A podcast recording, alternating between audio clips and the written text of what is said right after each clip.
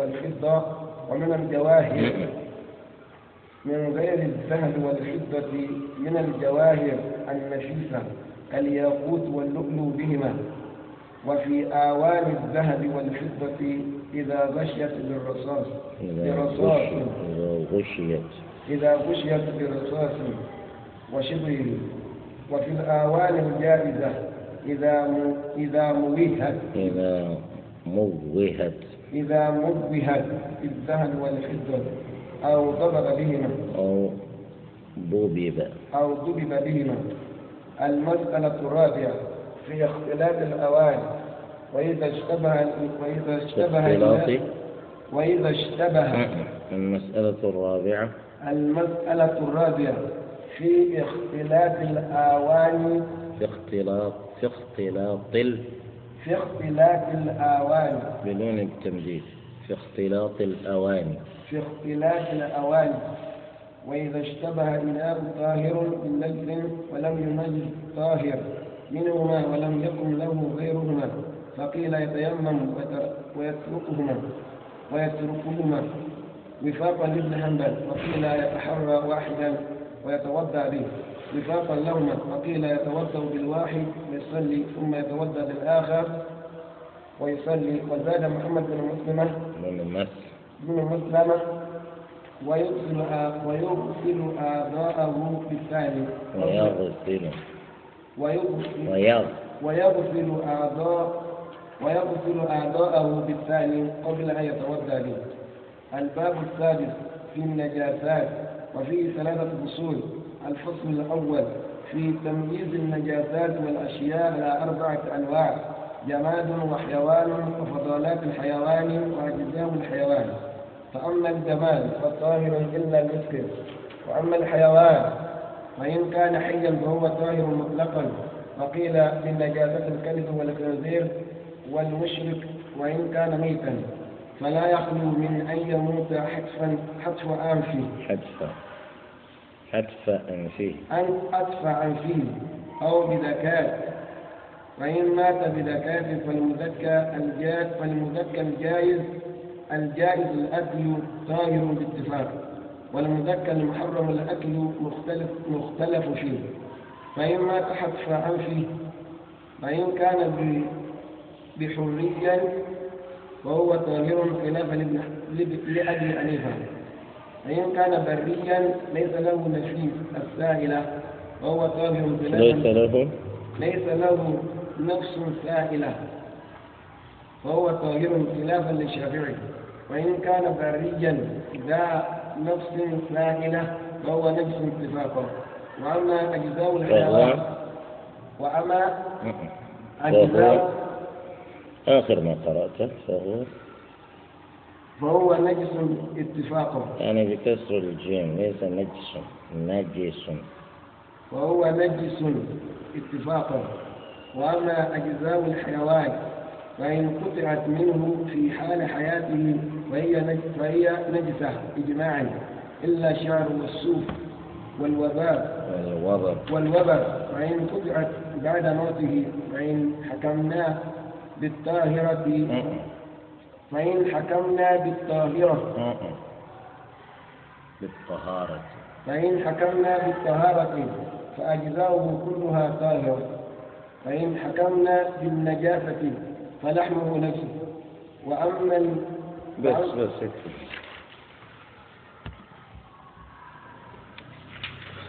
نعم. الحمد لله. والصلاة والسلام على رسول الله محمد بن عبد الله وعلى آله وصحبه ومن والاه وبعد. السلام عليكم ورحمة الله وبركاته. يقول العلماء الجلد يتطهر بوسيلة من هاتين الوسيلتين. الوسيلة الأولى الذكاء. فإذا ذبح الحيوان الذي يحمل جلدا يحمل جلدا فإن الذكاة مطهرة لجلده. هذا ما يقوله علماء المالكية. يقولون إن الزكاة مطهرة لجلد الحيوان. وأما الوسيلة الثانية فهي الدباغ.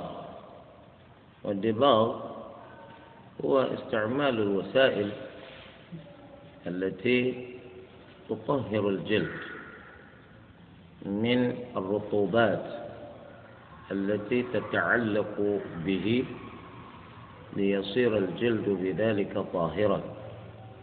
فإذا استعمل الإنسان وسيلة من هاتين الوسيلتين فإن الجلد بها يتطهر. ولقد وقفنا عند قوله وأما جلد الميتة بأن كان الحيوان الذي نريد الاستفادة من جلده مات حتف أنفه.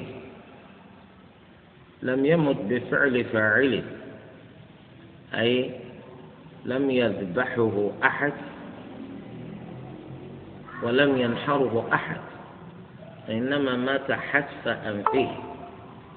والحيوان إذا مات حتف أنفه يقال له نجس. أي يقال له ميت. يقال له ميت. الحيوان الذي مات حتف أنفه هذا ووصف بميتة نريد هل يج... نريد أن نعرف هل يجوز لنا أن نستفيد من جلده. وقد مات حتف أنفه. قال فإن لم يدبغ فهو نجس.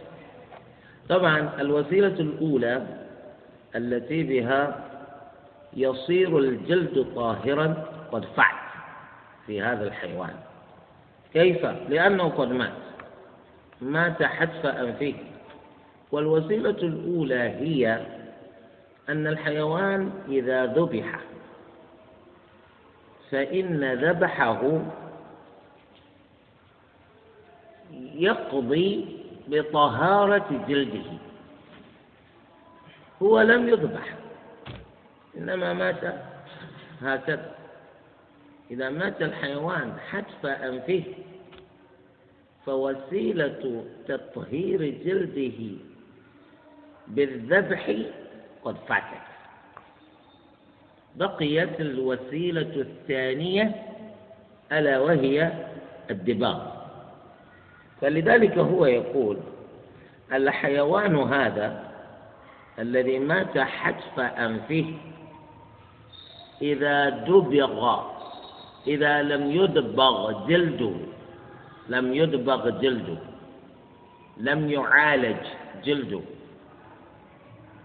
فهذا الجلد نجس لأن حكم الجلد حكم الحيوان الذي هو صاحبه. فالحيوان الذي هو صاحبه مات حتف أنفه فهو نجس. فلا ينبغي أن نوجد انفصالا بين لحمه وجلده. فما يقال في لحمه يقال في جلده. الجلد كما لا يخفاكم أيضا لحم. هذا هو. ثانيا إذا دبر الجلد هذا أخذ بعد موت هذا الحيوان أخذ جلده فدبر دباغ الجلد كما هو معلوم هو أيضا الوسيلة الأخرى لتطهير الجلد. سواء كانت كان الحيوان الذي هو صاحب ذلك الجلد مات حتف أنفه أو مات بذبح. فإن الدباغ وسيلة من وسائل تطهير الجلد. إذا دبر هل يصير جلده طاهرا بالدباغ أو لا يصير طاهرا به؟ فالمشهور في المذهب المالكي أن جلد الحيوان الميت لا يتطهر بالدباغ. لا يتطهر بالدباغ. إذا الجلد الذي يكون طاهرا بالدباغ هو جلد الحيوان الذي مات بذبح أما الذي لم يمت بذبح لما مات هكذا هذا الحيوان وإن دبغ جلده فإنه لا يتطهر. هذا الذي يقول. هذا في المشهور. والمقصود بالمشهور هو القول الذي مدار الفتوى في ذلك المذهب عليه. إذا أراد أصحاب المذهب أن يفتوا في مسألة من المسائل الفقهية فإنهم يفتون بالمشهور. يفتون بالمشهور. ولا يترك المشهور ليفتى بغيره. لا يترك المشهور ليفتى بغيره. إذا فهمنا هذا يقول المشهور في المذهب المالكي أن الحيوان الذي مات حتف أنفه فإن الدباغ لا يطهر جلده. إن الدباغ لا يطهر جلد الحيوان الذي مات حتف أنفه. يقول وهذا المشهور هو موافق لقول أحمد بن حنبل.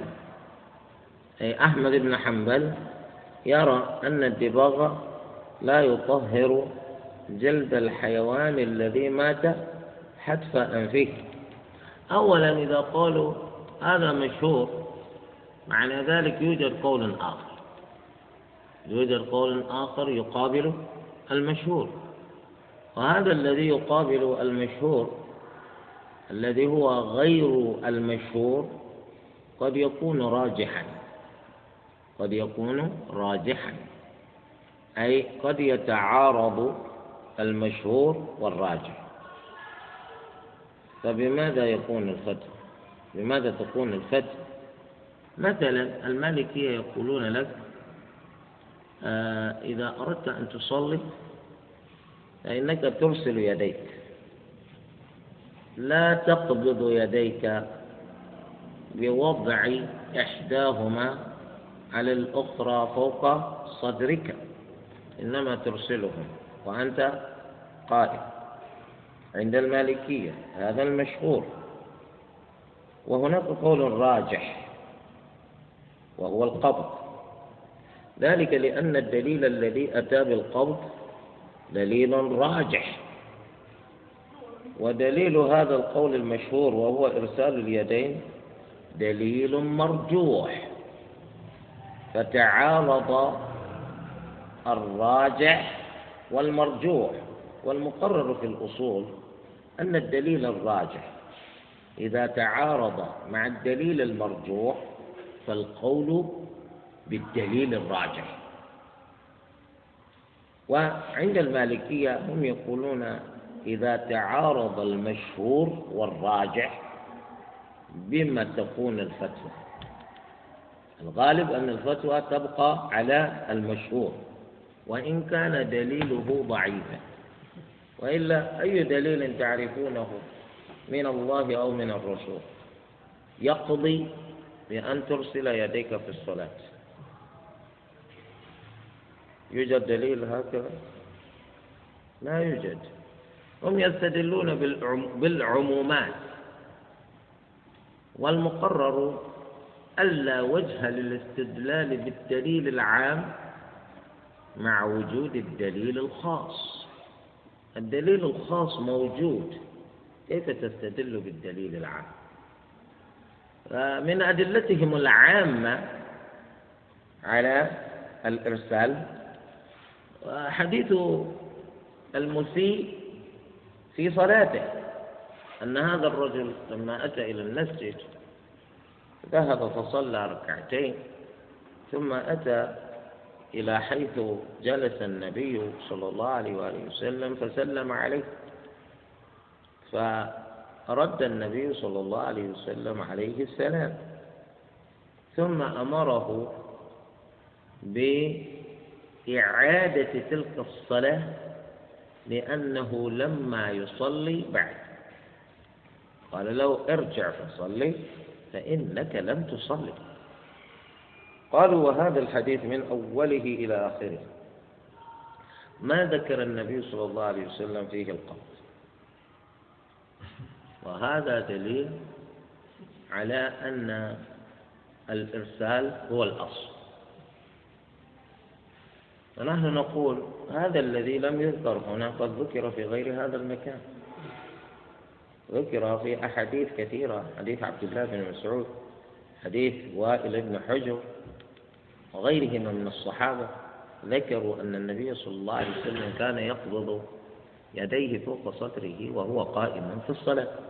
بل ذكر وائل أنه ما رأى النبي صلى الله عليه وسلم يوما وهو قائم في الصلاة إلا وهو يقبض يديه فوق صدره يضع اليمنى على اليسرى. أما الأدلة التي تتشبثون بها إذ ليس فيها ذكر لوضع اليدين فوق الصدر. نقول إنما تستدلون من تلك الأدلة بعدم ذكر المسألة التي اختلفنا فيها. والقاعدة الأصولية تقول عدم الذكر ليس ذكرا للعدم. ما ذكروه. ليس معناه أنهم قالوا لا تفعلوا. إذا ما في دليل يا جماعة. ابحثوا عن دليل فالصواب أن القول الذي دليله مرجوح يترك للقول الذي دليله راجح. هذا هو الصواب. كذلك المالكية الآن يقولون لا تصم ستة أيام في شوال بعد رمضان لماذا؟ لأنهم يقولون يعني سدا للذريعة سدا للذريعة ما هي تلك الذريعة؟ أي يريدون بذلك أن يسدوا ذريعة أن يعتقد المكلف بأن رمضان لا يتم إلا بصيام الست هذا هو. يعني حتى لا يرى المسلم أن صيام ثلاثين يوما أو تسعة وعشرين يوما لا يكفي إلا إذا أتيت معه بصيام ستة أيام. نحن نريد أن نغلق هذا الباب حتى لا نشوش على عقول المكلفين. رمضان ورمضان فقط. هذا الذي قال. نحن نقول أولا هذا الدليل لا وجه له. كيف وقد قال النبي صلى الله عليه وسلم من صام رمضان ثم أتبعه بصيام ست من شوال كان كصوم الدهر. والمقرر في الشريعة أنه لا وجه لدليل من جهة المعنى في مقابل الدليل المنقول. يعني أنت تأتي بدليل من النظر تريد أن تعارض به دليلا من النقد لا وجه له. لأنه لا قياس مع النص مع النص. لا قياس مع النص. وأيضا لا حاجة للتيمم مع وجود الماء. يعني الماء موجود وأنت تتيمم لماذا ثم إنك لست مريضا لماذا تتيمم؟ الدليل موجود وأنت تستدل من معقولة؟ لا حظ له من من النظر. لا حظ له من النظر. كذلك هم يقولون لك فنقول هذا الذي تتشبثون به دليله مرجو والذي تركتموه دليله راجح وهنا نقول تعارض المشهور والراجح تعارض المشهور والراجح بماذا يكون العمل؟ وأيضا المالكية يقولون لك لا تصلي نافلة بعد الجمعة سدا للذريعة. حتى لا يعتقد المسلم أن ركعتي صلاة الجمعة لا تكفيان. لا بد أن تأتي بعدهما بأربع ركعات. نريد أن نغلق هذا الباب. حتى لا يسيء لا يسيء فهم الشريعة. بس هذا الذي نريد أن يتحقق حتى لا يسيء فهم الشريعة. نقول هذا الذي قلتم يكون وجيها لو لم يكن للمسألة التي اختلفنا فيها دليل. لكن فيه دليل رواه مسلم. ماذا بقي يا جماعة؟ يعني من أراد أن يصلي بعد الجمعة فليصلي أربعة. وابن عمر يقول كان النبي صلى الله عليه وسلم يصلي صليت مع النبي صلى الله عليه وسلم بعد الجمعة ركعتين. ففهم العلماء من هذا أن الصلاة بعد الجمعة إذا كانت ستقع في المسجد فأربع ركعات. أما إذا كانت ستقع في البيوت فركعتان. إذا نترك هذا من أجل سد ذرائع. هذا هو. وهذه المسائل يعني عندما يقول لك المالكية هذا مشهور هذا مشهور يفهم منه أنه يوجد قول آخر يخالف هذا القول داخل نفس المذهب. وهذه المسائل التي آه، يخالف فيها المشهور الراجع هي مسائل كثيرة لا بأس بكثرتها. وقد كنت يعني في السابق أشير لبعض الطلاب الذين يريدون أن يكتبوا بحوثا علمية لنيل شهادة جامعية أن يكتبوا في هذا. أيضا أولئك الذين يريدون أن يكتبوا بحوثا تكميلية للترقية. يعني يريد أن يصير أستاذا كرسيا يعني بروفيسور اكتب في مثل هذا. والحمد لله يعني وجدت كتابا في الآونة الأخيرة لأحد أساتذة جامعة في الإمارات العربية المتحدة كتب كتابا بنفس هذا العنوان. فقلت سبحان الله إذا لا تكتبوا فتتعبوا أنفسكم لأنه اللهم إلا إذا أردنا أن نكرر النسخ. ما دام هذا قد اجتهد فكتب يكفي يكفي هو كتب المسائل التي يخالف فيها المشهور الراجح جيد. يعني الذي يطالع في الفقه المالكي تبادر له هذه المسائل. يعني أنتم يا مالكية لماذا تتركون هذه الأقوال؟ وأدلتها راجحة. وتقولون بالأقوال الأخرى التي أدلتها ضعيفة. يعني هذا يثير الإنسان حتى يقول أنا سأكتب. هذا هو. ولكنه يقول إذا لم يدبغ الجلد فإنه إذا دبغ الجلد فالمشهور أنه نجس. إذا دبغ الجلد يقول المشهور عندهم أنه نجس وهذا المشهور هذا دليله مرجوح. هو تماما كالأمثلة التي أتيت. يعني الرسول صلى الله عليه وسلم يقول في حديث عبد الله بن عباس رضي الله عنهما الصحيح.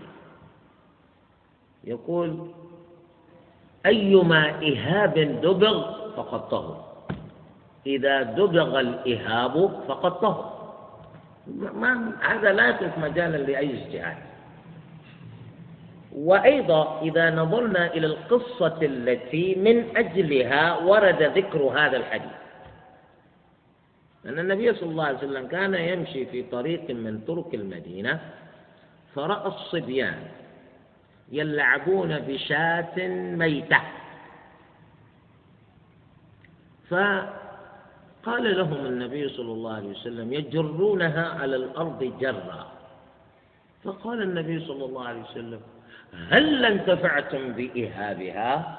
لماذا؟ تحريض. لماذا لا تستفيدون من جلدها؟ هم قالوا إنها ميتة. يا رسول الله. قال وإن كان. ألا تعلمون أن دباغ الجلد طهارته. إذا دبغ الإهاب يطهر. أيما إهاب دبغ فقد طهر. وقوله صلى الله عليه وسلم أيما إهاب. سواء أكان ذلك الجلد لحيوان مذكى أو لحيوان مات حتف أنفه فكان ميتا فإنه إذا دبغ جلده يطهر ذلك الجلد. الجلد فقط دون اللحم ودون العصب. إذا فهمنا هذا هذا هو الدليل للقول المقابل. ولا يعارضه دليل آخر على نفس مستوى. فكيف نقول عنه؟ لا نقبله إنما نقبل القول الآخر الذي لا دليل له. الآن هو يقول حتى لو دبغ جلد الميتة فإنه لا يطهر على المشهور. بأي دليل؟ لأنه يقول الحيوان الذي أخذ منه ذلك الجلد ميتة. والميتة نجس. فلماذا تستثنون جلده. الأصل في نجاسة الحيوان أن تعم أن تعم الحيوان كله. ليس أنك تقول رأسه نجس ورجله طاهرة. تقول رأسه ورجله نجس. هذا الذي يقولونه الصواب لا. الدليل جاء باستثناء الجلد.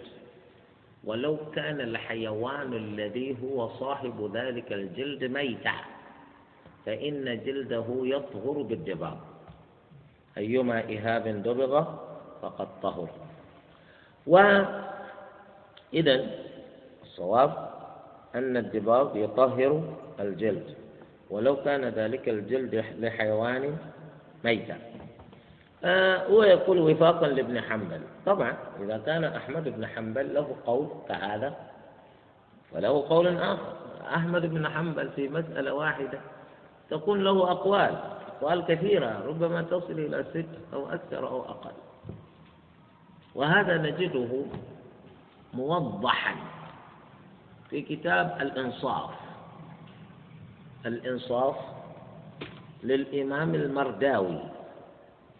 الإمام المرداوي في كتابه الإنصاف يبين كل الأقوال المنسوبة إلى الإمام أحمد أو كل الأقوال المنسوبة إلى الإمام أحمد ثم ينتخب منها القول الراجح في المذهب الحنبلي. يقول والمذهب كذا. بعد ذكر تلك الأقوال. أو في ثنايا ذكره لتلك الأقوال يقول وهو المذهب. إذا أحمد بن حنبل قد يكون له قول كهذا ولكننا الذي نعهده عن أحمد بن حنبل أنه لا يحيد عن التمسك بما جاء في الحديث لأي رأي من من الآراء. يتمسك بما جاء في الحديث. ولا يترك ما جاء في حديث لرأيه. كيف وقد صح في هذا الحديث؟ ممكن له قول بأنه نجس بأنه طاهر. فالقول الطاهر هذا هو الصواب. القول بأن الجلد إذا دبغ ولو كان جلد ميتا يطهر وصفا لكن يجوز في المذهب يعني على المشهور هم يقولون إنه نجس. ومع ذلك يقول يجوز في المذهب أي في المذهب المالكي استعماله. إذا دبغ جلد الميتة وإن كان نجسا عندهم لكن يجوز استعماله مع كونه نجسا في اليابسات. في الأشياء الجافة. في الأشياء الجافة. يعني أنت بإمكانك أن تضع الدقيقة داخل أو فوق ذلك الجلد لأنه دقيق. الدقيق يابس. كذلك بإمكانك مثلا أن تضع داخل ذلك الجلد إذا صنعت منه كيسا أو على ذلك الجلد إذا تركته مفتوحا بإمكانك أن تضع عليه قمحا بإمكانك أن تضع عليه ذرة. بإمكانك أن تضع عليه شعيرا لأنه يابس لأنه يابس. بإمكانك أن تحمل به خبزا. وليس على ذلك الخبز كيس لأنه يابس.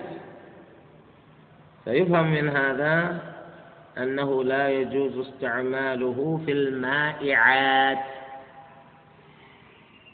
أي في السوائل. أي لا, لا يجوز لك أن تضع على ذلك الجلد مرقة. المرقة التي تأكلها تأكلها لا تضعها على ذلك الجلد. كذلك ليس يجوز لك أن تضع الشاي داخل ذلك الجلد إذا عملت منه كيسا مزادة لا تضع عليه الشاي. لا تضع فيه الشاي. كذلك لا يجوز لك أن تحمل به لبنا. إذا كنت قد صنعت منه مزادة لا تضع فيه لبنا وهكذا. واستثنوا من المائعات الماء فقط. استثنوا الماء فقط. أي حتى لو كان ذلك الجلد الذي دبغ لحيوان مات حتف أنفه فإذا صنعت منه مزادة جاز لك أن تحمل فيه الماء. هل تعرفون دليل هذا؟ فكر وتكلم. ما دليل جواز حمل الماء في جلد الميتة الذي دبغ ما دليله فكروا هذا هو الفقه ليس أن تسكت فقط.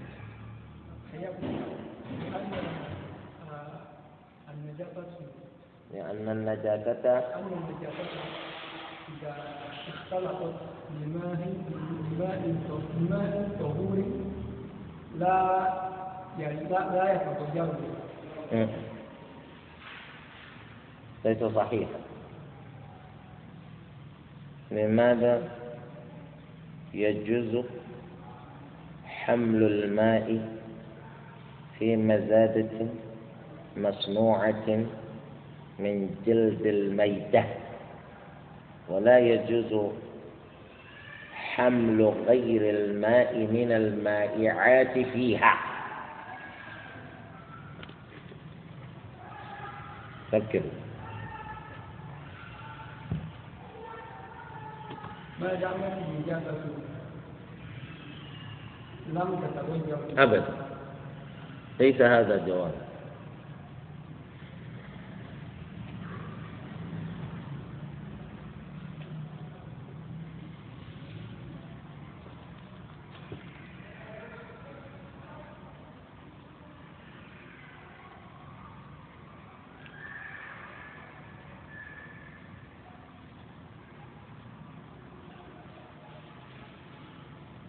فكروا وتكلموا لا يمكن للإنسان أن يتعلم وهو يسكت في مكان التعليم. لازم لازم تجتهد حتى لو كان الجواب الذي ستأتي به غير صحيح. لكنك اجتهدت. هكذا تقوم. ما تسكت وتسكت. غدا تقول أنا تعلمت. ماذا تعلمت؟ ما تعلمت شيئا. إنما تكتب. ممكن؟ لا يؤثر. كيف إذا أثر فعلا؟ نعم. وما رأيك إذا كان ذلك الجلد الذي صنعت المزادة منه لحيوان مذكى؟ وبعد وضع الماء في تلك المزادة أثرت المزادة في الماء. مع أن المزادة من جلد حيوان ذبح. يعني تأثيره في الماء لا يؤثر يؤثر. حتى لو كانت المزادة مصنوعة من جلد حيوان مذكى يؤثر. إذا غير لونه أو طعمه أو ريحه لا نتوضأ به. ليس هذا جوابا مثل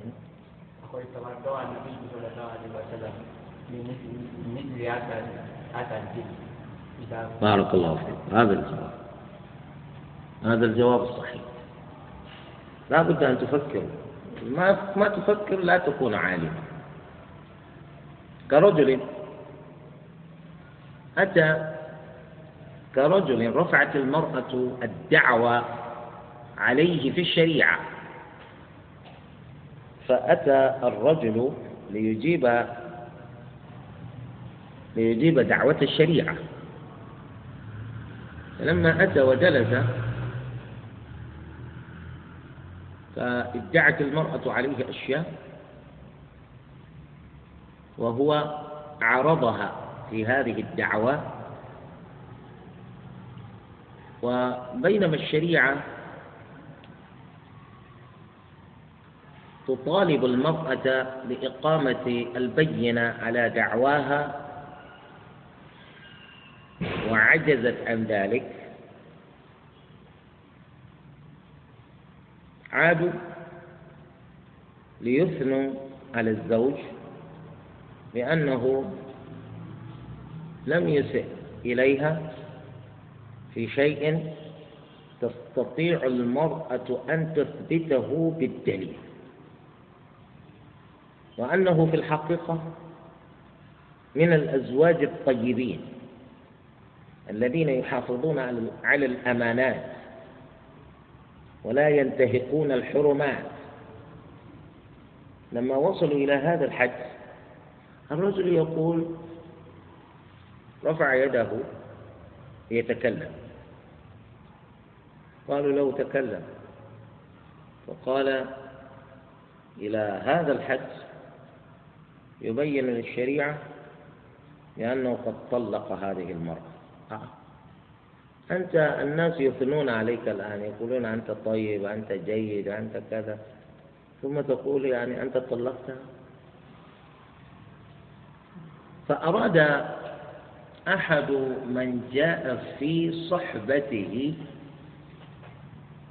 أن يوجد لخطئه مخرجا بأن قال إنما صدر منه هذا القول لا من صميم قلبه وإنما على لسانه فحسب.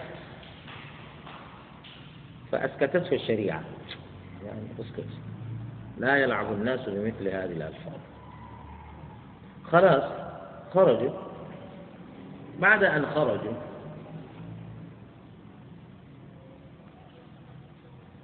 طرح السؤال. على أعضاء الشريعة. أتدرون لماذا طلق هذا الرجل امرأته في حضرتكم؟ الكل يقول لعل لعل لعل. فتكلم أحد الإخوة. يعني تفطن. قال لعل السبب الحافز له على طلاق طلاق زوجته ثناء من أثنى عليه. الذي أثنى عليه هو السبب في طلاقه لزوجته. فقلت هذا الصواب الفقه أن تفهم مراد المتكلم من كلامه بكل دقة. هذا يقول له فقه. ليس بس أن تفتح فمك وتتكلم لأن الذي لا فقه عنده يظن أن الفقه هذا كلام فقط يجوز لا يجوز ها؟ واجب مندوب ها؟ هذا حرام عندنا مكروه كلام فاضي ليس هذا فقط هو الفقه أنت تحتاج إلى أن تفهم كيف نصل إلى معرفة حكم كل مسألة مسألة بكل دقة وتحتاج إلى أن تقف على الأمور بحقائقها بحيث لا يبقى عندك شك. يعني هذا الجواب الذي ذكره مدثر هذا هو الجواب الصحيح. يعني أنت الآن تقول لا يجوز آه، آه، الجلد جلد الميتة وإن دبغ فهو عندكم نجس.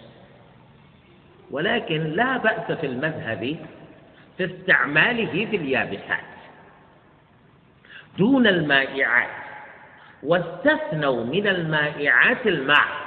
لماذا؟ لأن النبي صلى الله عليه وآله وسلم توضأ بمزادة مشرك. توضأ بماء موضوع في مزادة مشرك. والمشرك الأصل في المشرك أنه أصلا لا يعتبر الحيوان ميتا كيفما مات لا يهمه المهم إذا وجد الحيوان وأراد أكله ذبحه على طريقته هو. وذبح المشرك عندنا ميتا حتى لو ذبحه. حتى لو ذبحه بسم الله وهو مشرك يعني من غير أهل الكتاب نقول ما ذبحه ميتا فقد توضأ النبي صلى الله عليه وسلم بماء موضوع في مزادة مشرك. وهذا الجلد الذي وضع فيه المشرك ماءه بعد تصييره مزادة هذا الجلد لحيوان ميتة. فهمتم هذا؟ فلذلك يقولون نستثني من المائعات الماء فقط بهذا السبب. وهذا الذي يقال له الفقه. يعني أن أن تفهم لماذا؟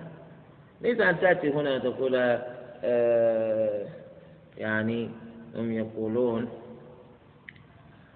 لكن يجوز في المذهب استعماله في اليابسات ثم تأتي تترجمه بلغتك المحلية. ترجمه باليوربا أو بالهوسة أو بكذا وتظن أنك تقول فقها. أي فقه هذا تعرف من أين أخذوا هذا القول؟ وهل هذا القول الذي قالوه وجيه؟ وجهه توجيها صحيحا. إذا لم يكن وجيها تبين ما تبين وجه ضعفه. هذا هو الفقه. أي نعم.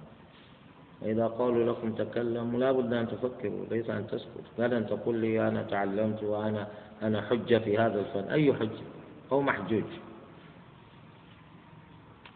ولا يجوز بيعه ولا الصلاة عليه ولا فيه. ولا يجوز بيعه. لماذا؟ هو جلد دبر. في المذهب نجس. لأنه من حيوان مات حتف أنفه لا يجوز بيعه. لأنه لماذا؟ لأنه نجس.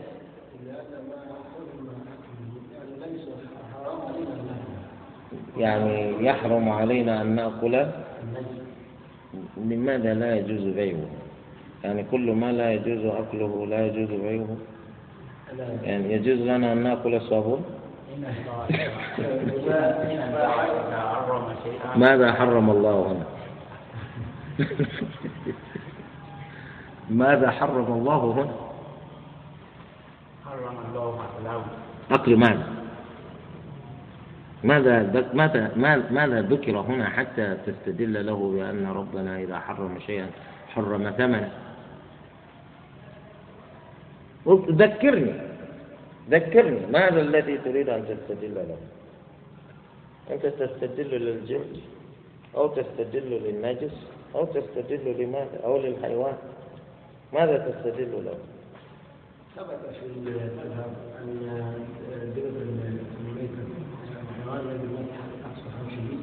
نفسه.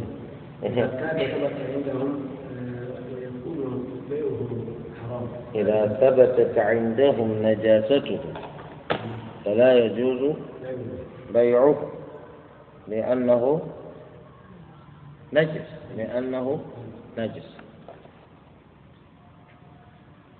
كذلك يقول ولا يجوز الصلاة عليه. لماذا؟ لأنه نجس. ولا فيه ما معنى فيه؟ ما الفرق بين الصلاة عليه والصلاة فيه؟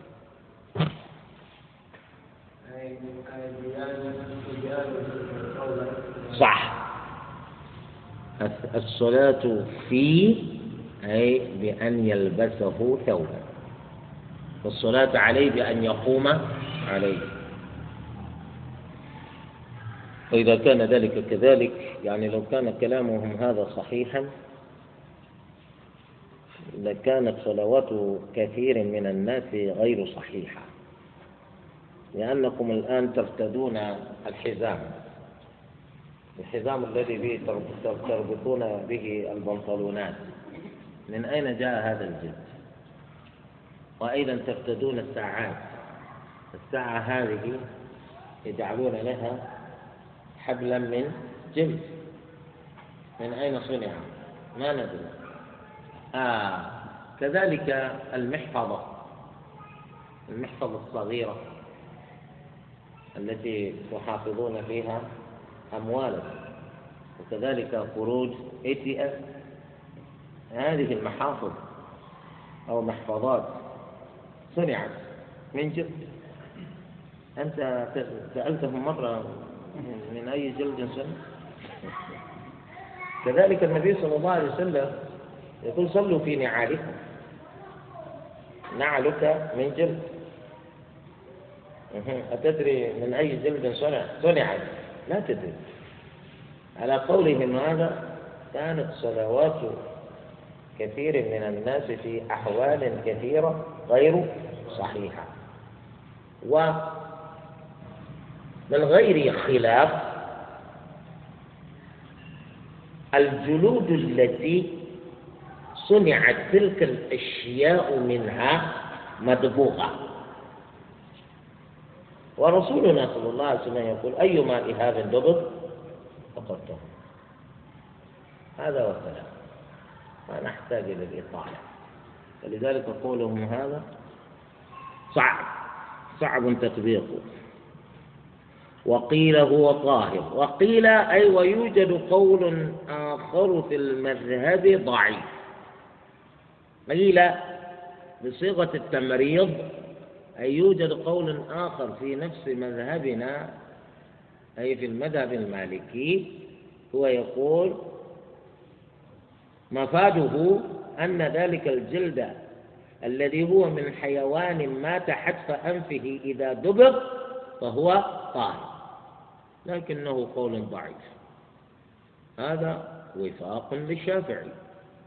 الشافعي يقول بموجب ذلك الحديث هو القول الصحيح هو القول الراجح. نحن نحن فقهنا مبناه على الأدلة. يعني إذا وجدنا الدليل الثابتة الصحيحة نحن نتمسك به. إذا كان الدليل من القرآن فهو يدل على المطلوب ولو بظاهره. تمسكنا به. وإذا كان الدليل إنما ثبت بالسنة وهو يدل على المطلوب بالنص أو الظاهر نتمسك به ولا نتركه حتى نجد دليلا آخر أقوى منه يزيلنا عنه.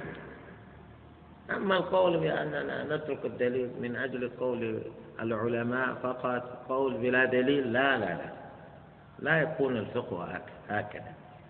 لا بد أن يكون للفقه مستند. والمستند هذا هو الذي يجعل يجعل قولك قويا. بدون المستند لا يكون هناك فرق بين ما تقول وبين قول الصحفيين في الجرائد. هذا هو.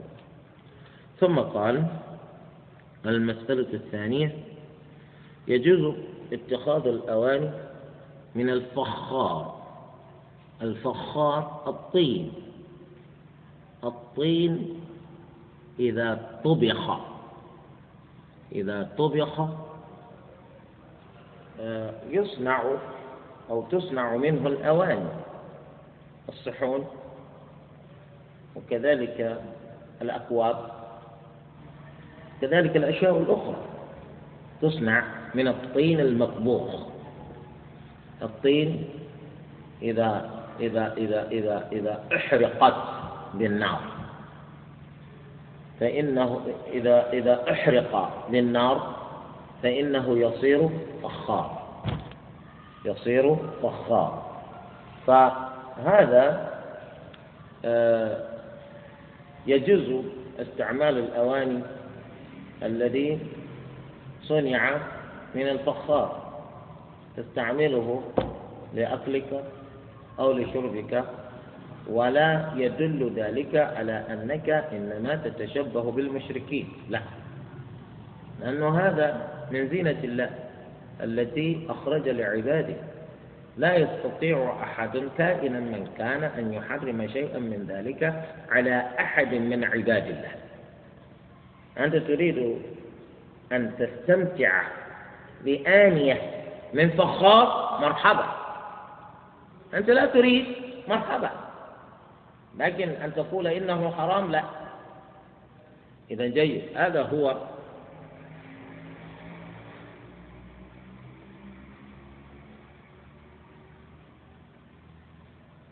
ومن الحديد إذا كانت الآنية مصنوعة من حديد يجوز أن تستعمله. إنما الذي لا يجوز لك استعماله إذا كان ذلك خاتم خاتم من حديد لا لأن خواتم الحديد هذا للشيطان هذه للشيطان. خواتيم الحديد للشيطان. لا يجوز للمسلم أن يرتدي خاتما من حديد.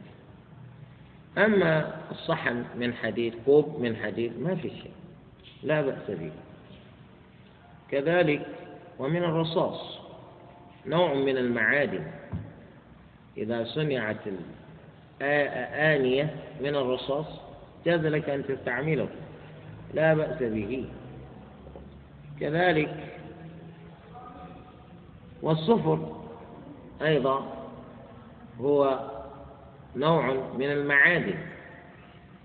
نوع من المعادن مثل ألم ألمنيوم هذا أيضا لك أن تستعمله من النحاس أيضا لك أن تستعمله ومن الخشب ما في شيء لكن الذي من الخشب هذا دأب كثير من المجرمين أن يستعملوه فيما يتعلق به ما يتعلق بالأطعمة التي يطعمون بها الشياطين ويضعونها في مفارق الطرق فهمتم؟ يعني هذا للأسف الشديد. لكن لا هذا لا يمنعك من أن تستعمله. لكن أنت إنما تستعمله تستعمله لطعامك. ليس أنك تستعمله لوضع شيء في مفترق الطرق انتبه. ثم ومن العظام. ومن العظام الطاهرة. إجماعا. هذا بدون خلاف. إجماع العلماء على جواز استعمال هذه الأشياء. لا خلاف فيه. لأن الأصل فيه أو لأن الأصل فيها الجواز. وفي طهارة الفخار من نجس من نجس غواص كالخمر قولان يعني إذا كان الفخار هذا مما غوص به في نجس. في وقت صناعته صنعنا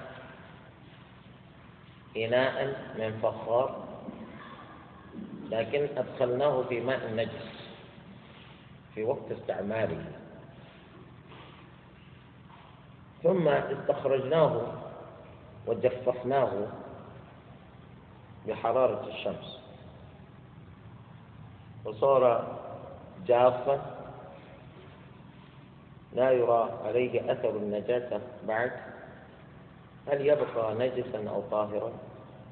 هذا الذي فيه خلاف. طبعا الذي لم يغاص به في نجاسة لا يكون كالذي غيص به في النجاسة. يعني غيص به في نجاسة كالخمر. غيص به في نجاسة كالخمر. ففيه قولان هذا إذا قلنا بأن الخمر نجس. بأن الخمر نجسة. نجسة. خمر نجسة. وهذه مسألة خلافية بين العلماء. لأن الخمر نجسة أو طاهرة. والصواب أنها طاهرة ونجاستها معنوية لا لا حسية. فبالتالي لو أن فخار لو أن آنية مصنوعة من فخار غوصت في خمر بعد صناعتها فإن ذلك لا يجعلها نجسة. ولكنك ستطالب بغسلها غسلا جيدا قبل استعمالها. ولو وجد غيرها كانت أولى بالاستعمال. كانت أولى بالاستعمال. هذا هو. إذا وقفنا في المسألة الثالثة في أواني الذهب والفضة واستعمالها. وقفنا هنا